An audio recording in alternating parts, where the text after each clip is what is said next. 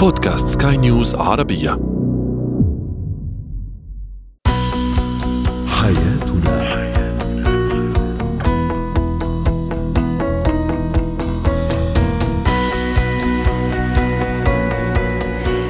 مستمعينا الكرام أهلا بكم معنا إلى حياتنا. فضاؤكم اليومي الذي يعنى بشؤون الأسرة وباقي الشؤون الحياتية الأخرى والذي يمكنكم الاستماع إليه عبر منصة سكاي نيوز ارابيا dot com slash podcast وباقي منصات سكاي نيوز العربية الأخرى.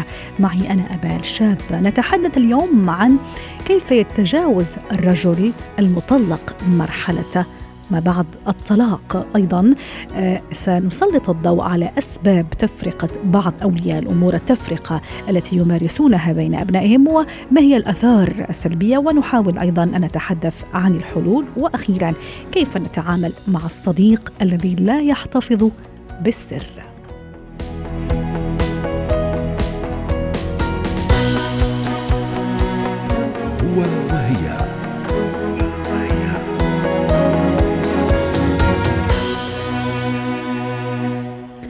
لا شك أن للطلاق آثار سلبية على الأسرة على المرأة وعلى الأطفال. ماذا عن الرجل؟ كيف يعيش مرحلة الطلاق؟ هل فعلا يمر بظروف صعبة؟ هل جرح الطلاق النفسي يستثني الرجل أم لا؟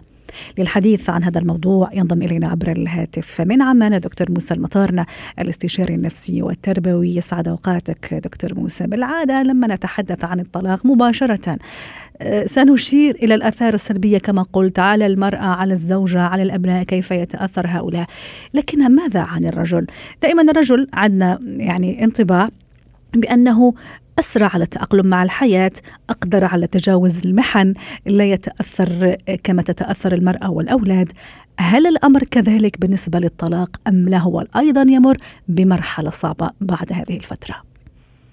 صباح الخير لكم وللمستمعين الطلاق آفة اجتماعية آه لها مخاطرها زي ما تفضلتي على جميع الأطراف المتعلقين فيها. آه أما آه بالنسبة للرجل فالأمر يتوقف لأن الرجل هو صاحب الموضوع الأمر في الطلاق فهو الذي اختار الطلاق. وبالتالي أحيانا يطلق هو مرغم عنه دكتور موسى أحيانا لا هو لا يرغب في الطلاق لكن نتيجة ضغوط معينة قد يجبر على ذلك. لما يصير خلع القصة أنه الرجل شخصيته وطبيعة شخصيته هي اللي بتتحكم في الموضوع. هناك رجل يتحمل المسؤولية والطلاق بالنسبة له كارثة لأنه يترك أطفال ويتحمل ومسؤوليات أطفال ونزاع أسري وابتعاد عن الأطفال ويتأثر نفسيا بما يتأثر فيه أبنائه إذا كان مرغما على الطلاق يعني. آه لكن في رجل ثاني يحمل شخصية مستهترة ولا يتحمل مسؤولية وهذا آه لا يتأثر بشيء لأنه أصلا هو لا يرى لا ليس لديه الكفاءة الزواجية أو مفهوم الأسرة أو الزواج الإنساني والأخلاقي والديني. ولذلك الشخص الذي الرجل الذي يملك شخصية تتحمل المسؤولية يحس بما يمكن أن يحصل من نتائج للطلاق بالتأكيد يقع تحت تأثير نفسي هائل.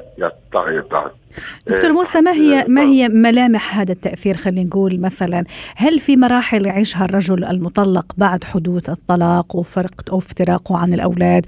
ولما يدخل يرجع للبيت يلاقي البيت فاضي ما فيش أولاد ما فيش زوجة ما في ما فيش ضحكة أولاد ما فيش خناقات الأولاد هل في مراحل معينة يمر فيها هذا الرجل؟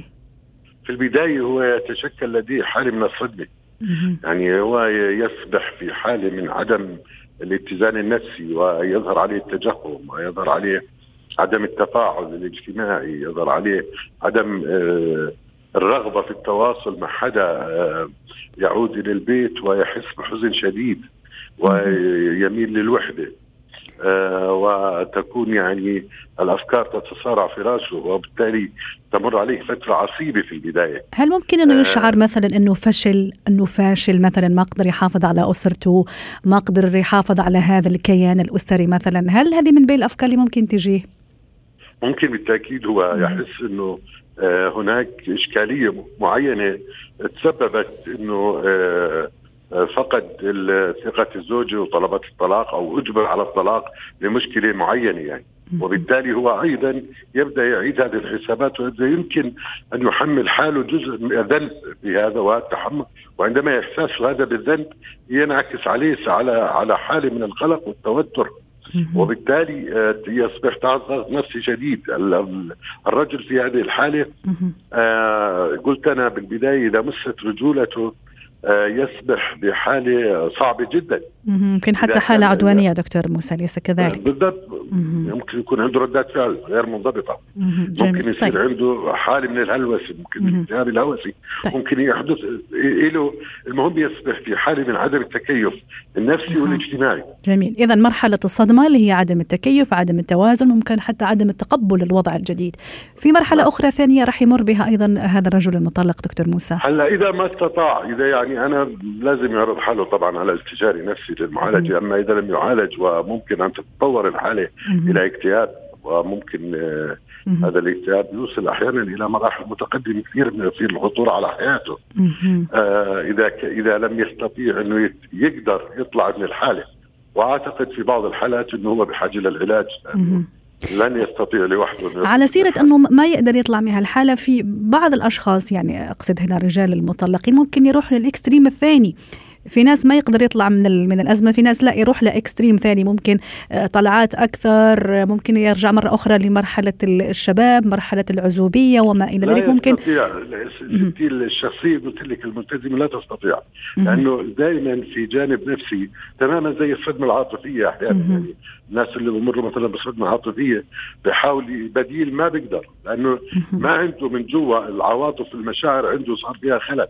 وبالتالي ما بتقدر الجهاز القدرات العصبية والنفسية عنده تتعامل مع ما عنده طاقة ما عنده طاقة طاقته قتلت. الطاقة اللي عنده الإيجابية اللي ممكن فيها يتصرف ما عادت موجودة وبالتالي الطاقة كلها سلبية. فبالتالي حتى لو جرب بلقى حاله مو منسجم وبلقى حاله آه ما ما تغير شيء. فبالتالي بينسحب على طول. وأيضا آه، ودنا نشير النقطة أيضا دكتور موسى شاركنا في في الموضوع لو سمحت أو في الرأي، موضوع مثلا إذا طالت مسألة المحاكم و...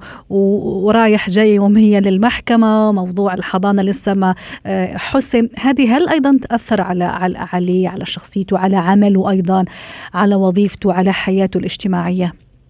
هاي دوامة قاتلة، دوامة قاتلة إذا وضع نفسه الإنسان فيها بيصبح معطل معطل بكل شيء معطل بإنتاجه معطل بقدراته معطل بتفاعله.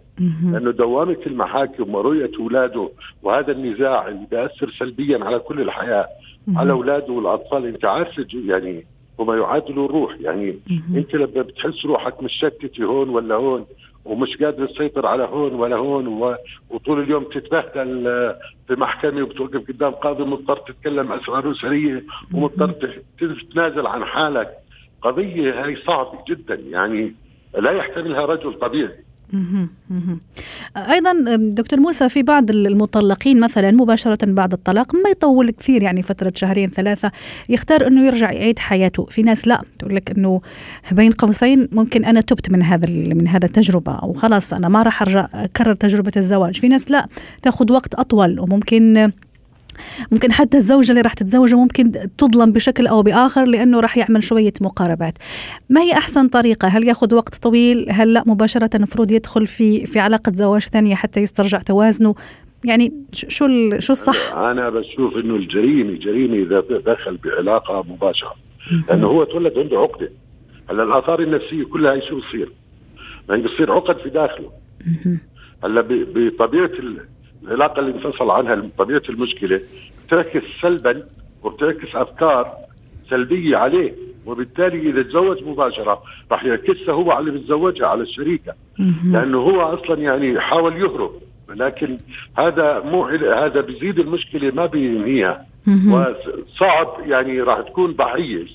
الإنسان اللي راح تكون معه راح تكون ضحية عقده راح اسقاطاته النفسية. وبالتالي أنا بفضل إنه ياخذ مساحة كافية حتى يتخلص من رواسب العلاقة اللي الانفصال وحتى يخلص من التراكمات السلبية حتى يبدأ يستعيد طاقته الإيجابية ويبدأ يستعيد يتفهم الوضع. لأنه بالاصل الصدمه تعمل حالة من عدم التوازن يعني صحيح. هو بصير مو فاهم شيء في ضوضاء. حتى يستعيد كل هاي الطاقة ويستعيد قدرته على إنه يتفهم الوضع ويحتوي.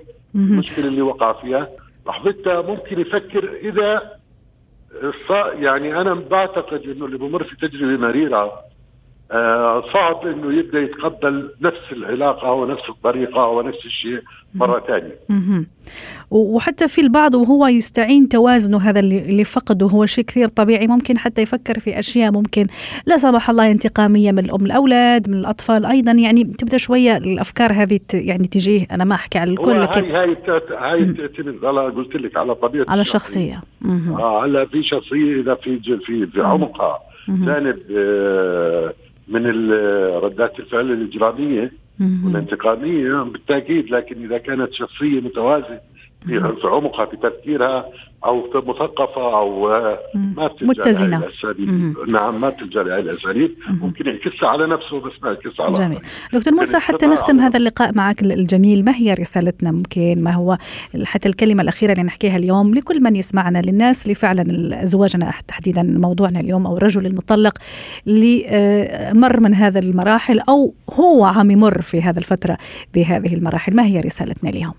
اولا يعني إحنا بعلم النفس بنقول لازم لما بتمر في مشكلة صعبة لازم تعمل تداعي إيجابي أي بمعنى أن تفكر فيها بإيجابية وتبدأ في تصغير المشكلة وتقبلها والتعامل معها كحالة آه، عابره آه، من خلال أنت تبدأ اول شيء تمارس رياضة وتمارس آه، جوانب هواياتك وتمارس تطلع للطبيعة كثير وتبدأ تتعامل أو تتحاكى مع قضيتك على إنها قضية إنسانية وبتصير والمشكلة اللي سبب الطلاق يجب إنه تبدأ تتهمها بشكل آخر وتتقبلها بشكل مختلف والإنسان اللي كانت معك برضه تتقبل شخصيتها وتحس وتبدأ تضع آه، الصورة الحقيقية للانسان اللي قدامك بدون الفرض الأناني اللي عندك لأنه أكثر مشكلاتنا اللي بتوصل لهي الجانب الإسقاط الأناني أو تغيير الشخصية الثانية مجرد ما بديت تتقبل الوضع وتتقبل الشخصية الثانية وتتقبل الحالة اللي أنت فيها كلها ووضعت أسس حقيقية للمعالجة يعني للتعامل في الوضع الطبيعي مع أولادك مع هاي زوجتك مع إذا لحظتها أنت بتبدأ ترتاح ويخف عليك الضغط النفسي شوي نعم. شوي. شكرا لك دكتور موسى المطان الاستشاري النفسي والتربوي ضيفنا من عمان. زينة الحياة.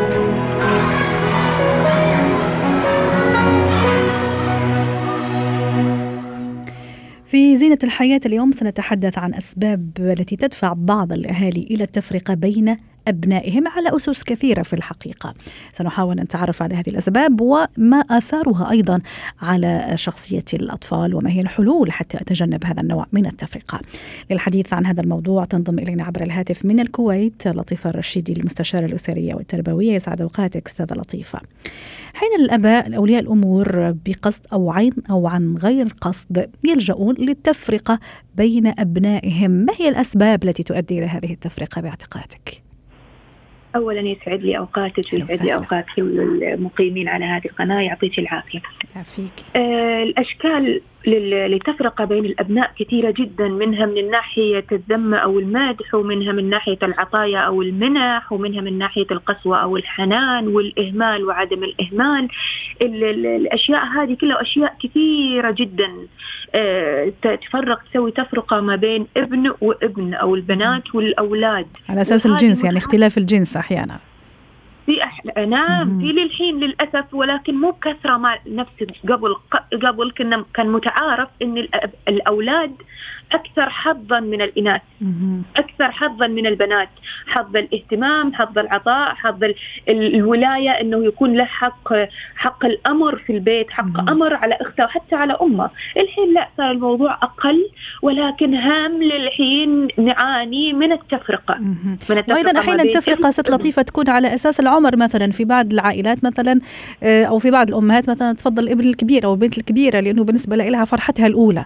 في بعض لا نعم. يفضل الأخ العنقود لأنه يعني اجى في ظرف أحيانا معين أو بعد سنوات مثلا من عدم الإنجاب وما إلى ذلك. هذه أيضا من من بين الأسباب اللي تخلينا كأولياء أمور نفرق بين الاولاد من غير ما نعرف. أحسنتي أحسنتي. ودائما في كل البيوت تلاقين الأخوة ضارجرين من الابن الصغير أو البنت الصغيرة. آخر العنقود على قولتهم يقول يو كل الحنان له وكل الدلع كل الدلع. وكل أيوه وكل الحب له وكل فتلاقي الأخوات والخوان الكبار اللي أكبر منا شوي يحبونه ولكن فيه ضغينة شوي. أيوه. وعلى أيوه. على سيرة الضغينة أستاذة لطيفة راح ندخل شوي نحكي شوي شوي على ال ال حتى نستفيد من الوقت أيضا على الآثار السلبية التي تنجم على هذه التفرقة على على الأولاد. نعم نعم. نعطي مثال كلنا نعرفه ولكن للأسف الأباء ما يلتفتون له بعين البصيرة. ألا وهي قصة سيدنا يوسف وما فعله خوانه به. وهذا كان فقط بسبب الغيرة. ما يكرهون سيدنا يوسف والدليل انه ما قدروا يقتلوه. ما يكرهونه ولكن ضغينة اللي أبونا يميزه. أبونا يحبه. أبونا يعطيه حنان أكثر. جميل. أبونا يعطيه اهتمام أكثر عنا. جميل. إذا يخلق ضغينة يخلق غيرة لدى الطفل. في أيضا سلبيات نعم. أخرى ممكن أنا راح أكتشفها لاحقا على طفلي لما أمارس أنا هذه التفرقة أستاذة لطيفة. طبعا. راح يكون في سلبيات كثيرة جدا. راح يكون في كره للأم نفسها أو للأب نفسه فاعل هذا الشيء. راح يكون في كره للأخ المفعول بهذا الشيء اللي, اللي الكل يهتم فيه. أنا كأخ ما ما يهتمون فيني راح أكرهها. ممكن حتى الإحساس بعدم الثقة أستاذة لطيفة الانطوائية العزلة. الحالة الدراسية. أي نعم والتدهور في الحالة الدراسية والعزلة وإحساس الكره وعدم التوازن والحالة النفسية السيئه جدا المتدهورة جدا.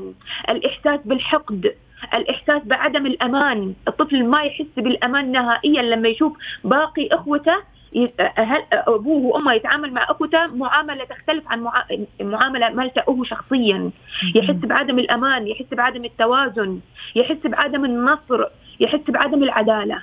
في الحالة هذه يخلق يعني أنا عندي مشكلة آه، جايتني في المكتب. الابن يسرق. ياخذ أغراض أخو أخوه ياخذ أغراض أخته وما يسرق عشان حب السرقة. يسرق عشان يتخلص من الأشياء هذه انتقاما منهم. الام تجيب هدايا للابن الكبير ما تجيب للصغير. الأوسط ما تجيب له. ف آه، غضب هذه مشكلة فعلا. الأوسط. نعم غضب مشكلة. الابن الأوسط. ردة فعله الداخلية بعد ما ينامون ياخذ الألعاب هذه أو الملابس أو أيا كان الشيء هذا ياخذه ويتخلص منه في القمامة من آه. باب الانتقام. انتقام. أستاذة لطيفة نعم. حتى حتى نختم معك أيضا هذا اللقاء. الحلول يعني أنا كأم أو أب يعني أعمل هذا الشيء مثل ما قلنا في البداية أحيانا اقصد واحيانا لا والله ما أقصد يعني خلاص لأنه هو آخر العقود عزيز علي لأنه هي كبيرة العائلة كمان هي فرحتي الأولى. ما أقصد لكن صار اللي صار. ما هي الحلول أستاذة لطيفة؟ كيف لي أن أخاطب اليوم أولياء الأمور اللي فعلا يعني يتصرفوا هذا التصرف؟ اولا الابتعاد عن أسلوب المقارنة بين أطفالهم. مثلا تقول له شوف أخوك الكبير إيش سوى؟ شوف رده شوف أدبه شوف قاعدته شوف طريقة أكله حلوة احسن منك. والإفراط في الرعاية والاهتمام بالابن. الإفراط في الرعاية والاهتمام بابنه عن ابن آخر. وروح التعاون يخلوا في روح تعاون الأخ... الأخوة والألفة وهذا شيء ضروري جدا أن يكون فيه تعاون بين الأبناء وبعضهم. شيل عن أخوك روح اطمن على أخوك آه شوف أخوك اللي أصغر منك حل الم... حل الواجب ولا حل له انصحه احبه العب معاه ساعده عينه يعني يذكرني موقف الموقف هذا إلى الآن في ذاكرتي أمي أمي أنا الله يحفظها آه لك. اللهم آمين أمرأة نالت من العلم القليل ولكن نالت من العلم الحياة كثير جدا.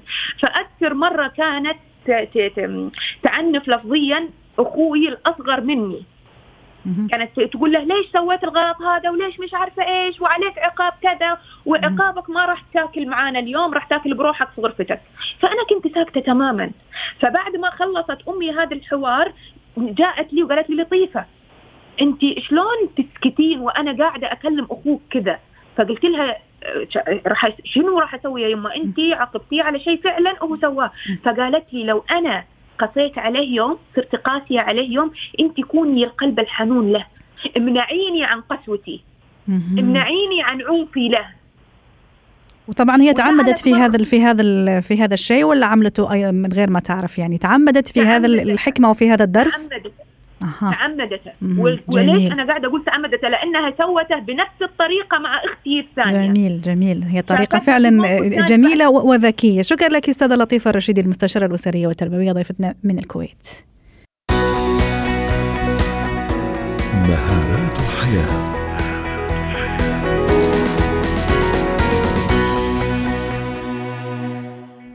اليوم سنتحدث عن الصديق الذي لا يحفظ الأسرار وهذه مشكلة في الحقيقة تنضم إلينا عبر الهاتف من بيروت جورجينا إبراهيم مدربة مهارة الحياة. يسعد أوقاتك أستاذة جورجينا. إحنا لما نحكي صديق الصدوق يعني عارفين أنه هو راح يحتفظ بسرنا مهما كان هذا السر ومهما كان طول والفترة اللي راح يكون عنده فيها هذا السر. لكن أحيانا الصديق لا يحتفظ بأسرارنا. كيف أتصرف؟ أه هلا بالنهاية مثل ما قلت حضرتك أكيد لما بنعتبر شخص هو صديق لنا يعني هو رح يكون عم يحفظ لنا أسرارنا وبتعرفي هو السر بحد ذاته يمكن بيكون خبرية معينة. أنا ما بدي أخبرها عن حالي للكل يمكن لأنه بتأذي السمعة يمكن لأنه آه، بتأذيني بشكل آه، أو بآخر. فلهالسبب أنا ما بخبرها للكل يمكن بس بحب هيك أخبرها للشخص اللي بعتبره كثير قريب لإلي وفعلا بيكون صديق. فمن هالمنطلق هيدا لما هذا الشخص ما عم بيحفظ لي هذا السر وعم بي عم بيساهم بنشر هالمعلومة يمكن بي بي بي بالمحيط يلي نحن بنكون عايشين نعم. فيه. هو ما فينا نعتبره بقى صديق يعني هون إذا بدك كسر شيء كثير مهم من أسس حتى إذا عملوا مرة الأولى مثلا من غير قصد سيدة جورجينا وما حابين نخسره يعني كصديق ممكن أنا أواجهه وأخبره إنه هذا الشعور ضايقني مثلا ولا؟ مضبوط صح صح. إذا أنا هون إذا بدك برجع بعمل إعادة تقييم لهالعلاقة يلي هي على الصداقة. فعلا انه أنا بدي خلي هذا الشخص صديق لإلي. إيه في إجي واجهه إنه انت أنا كنت أنا ائتمنتك على السر. أنت رحت خبرت شخص وهذا الشخص خبر حدا. بتعرفي في كثير أشخاص بيحكوا كثير يعني سرسارين خليني أقول. وفي أشخاص يحكوا أو يعني يأذوا الآخرين بعدم احتفاظهم بالسر أحيانا مش قاصدين لأنه زي ما تفضلتي من طبيعتهم الثرثرة يحكوا كثير. وفي ناس لا قاصدين أنه أنه ينقلوا لهذا هذا الأسرار. لكن الحديث اليوم عن الشخص اللي ما يقصد يعني هو ما يحتفظ بالسر ما يقصد لأنه يحكي كثير. هون نحن بدنا نواجهه لهذا الشخص وخاصة خاصة في أمور عن جد بتكون كثير كثير مهمة كثير حساسة كثير كثير خاصة. يعني أمور يمكن لها علاقة بالصحة أمور لها علاقة يمكن بالأمور المادية إلى آخره.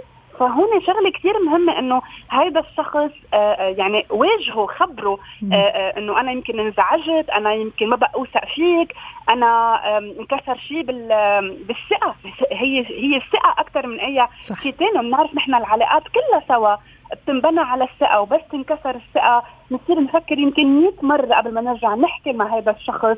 نخبره يمكن اسرارنا أو نخبره يمكن أخبارنا أو حتى يمكن مش اسرار صحيح. حتى في أمور يمكن امور العادية اشترينا توظفنا رحنا جينا حتى بصير أنا أتفادى هيدي الأمور خبروا إياها لأنه مش ضروري الكل يعرفها أو يصيروا يتناقلوا هيدي هيدي الأخبار طيب. فهو موضوع فعلا. وحتى أيضا نختم معك في اللحظات الأخيرة جورجينا إذا هذا الصديق فعلا آه، كررها أكثر من مرة مرتين ثلاثة يعني ويعني لأنه في النهاية هذا هذا طبعه وهذا شخصيته. في هذه الحالة أتصور انه نبحث عن صديق آخر يحفظ أسرار أو نحفظ أسرارنا. أنا أفضل أنه لأنفسنا لأنه يعني نحن أكثر الناس القادرين على حفظ السر أسرارنا. هيدي هي مضبوط. معك حق 100% هيدي. مثل ما بيقول المثل الباب اللي بيجيك منه ريح سكره واستريح يعني ليش تخبر أخبارك؟ إذا عارف إنه اللي عم يسمعك مش رح يقدر يخليهم بقلبه. صح ولا لا؟ صحيح صحيح. واحيانا فعلا هذا يعني إفشاء الاسرار ممكن تعمل مشاكل كثيرة. واحيانا حتى لما تواجه هذا الصديق أو الصديقه ممكن أحيانا ينكروا لأنه يشعر بحرج يشعر إنه عمل لك مشكلة أو سبب لك مشكلة صح؟ المواجهة ما تكون يمكن المواجهة بالعكس المواجهه يمكن تقتل الصداقه وخلص كل واحد يصير بطريق. يعني إذا هو إذا هو بده ينكر إنه هو خبر ما هو ما في غيرك أنت بيعرف فأكيد أنت اللي خبرت. في ناس فعلا بتنكر بتكذب يعني يلي بده يسرسر على السر أكيد يمكن يكذب. ويقول إنه لا مش أنا. فهون بتقولي أنت مش حرزانة بقى هيدي الصداقة. أنا بدي صديق يساعدني مش بدي صديق يطعني بالظهر أو صديق ما يسندني لما أنا بحاجة لسند. فهون الواحد بيرجع يعمل تحط علامه استفهام قديش حرزانه مثل ما بنقول باللبناني أو قديش إنه فعلا أنا بحاجة لهيك أشخاص آه، آه، ما يكونوا ما يكونوا فعلا أصدقاء بكل معنى الكلمة. شكرا لك جورجينا إبراهيم مدربة مهارة الحياة. كنت معنا من بيروت.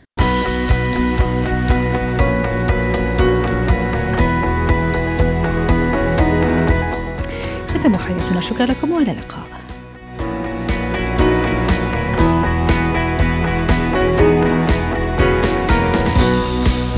海盐。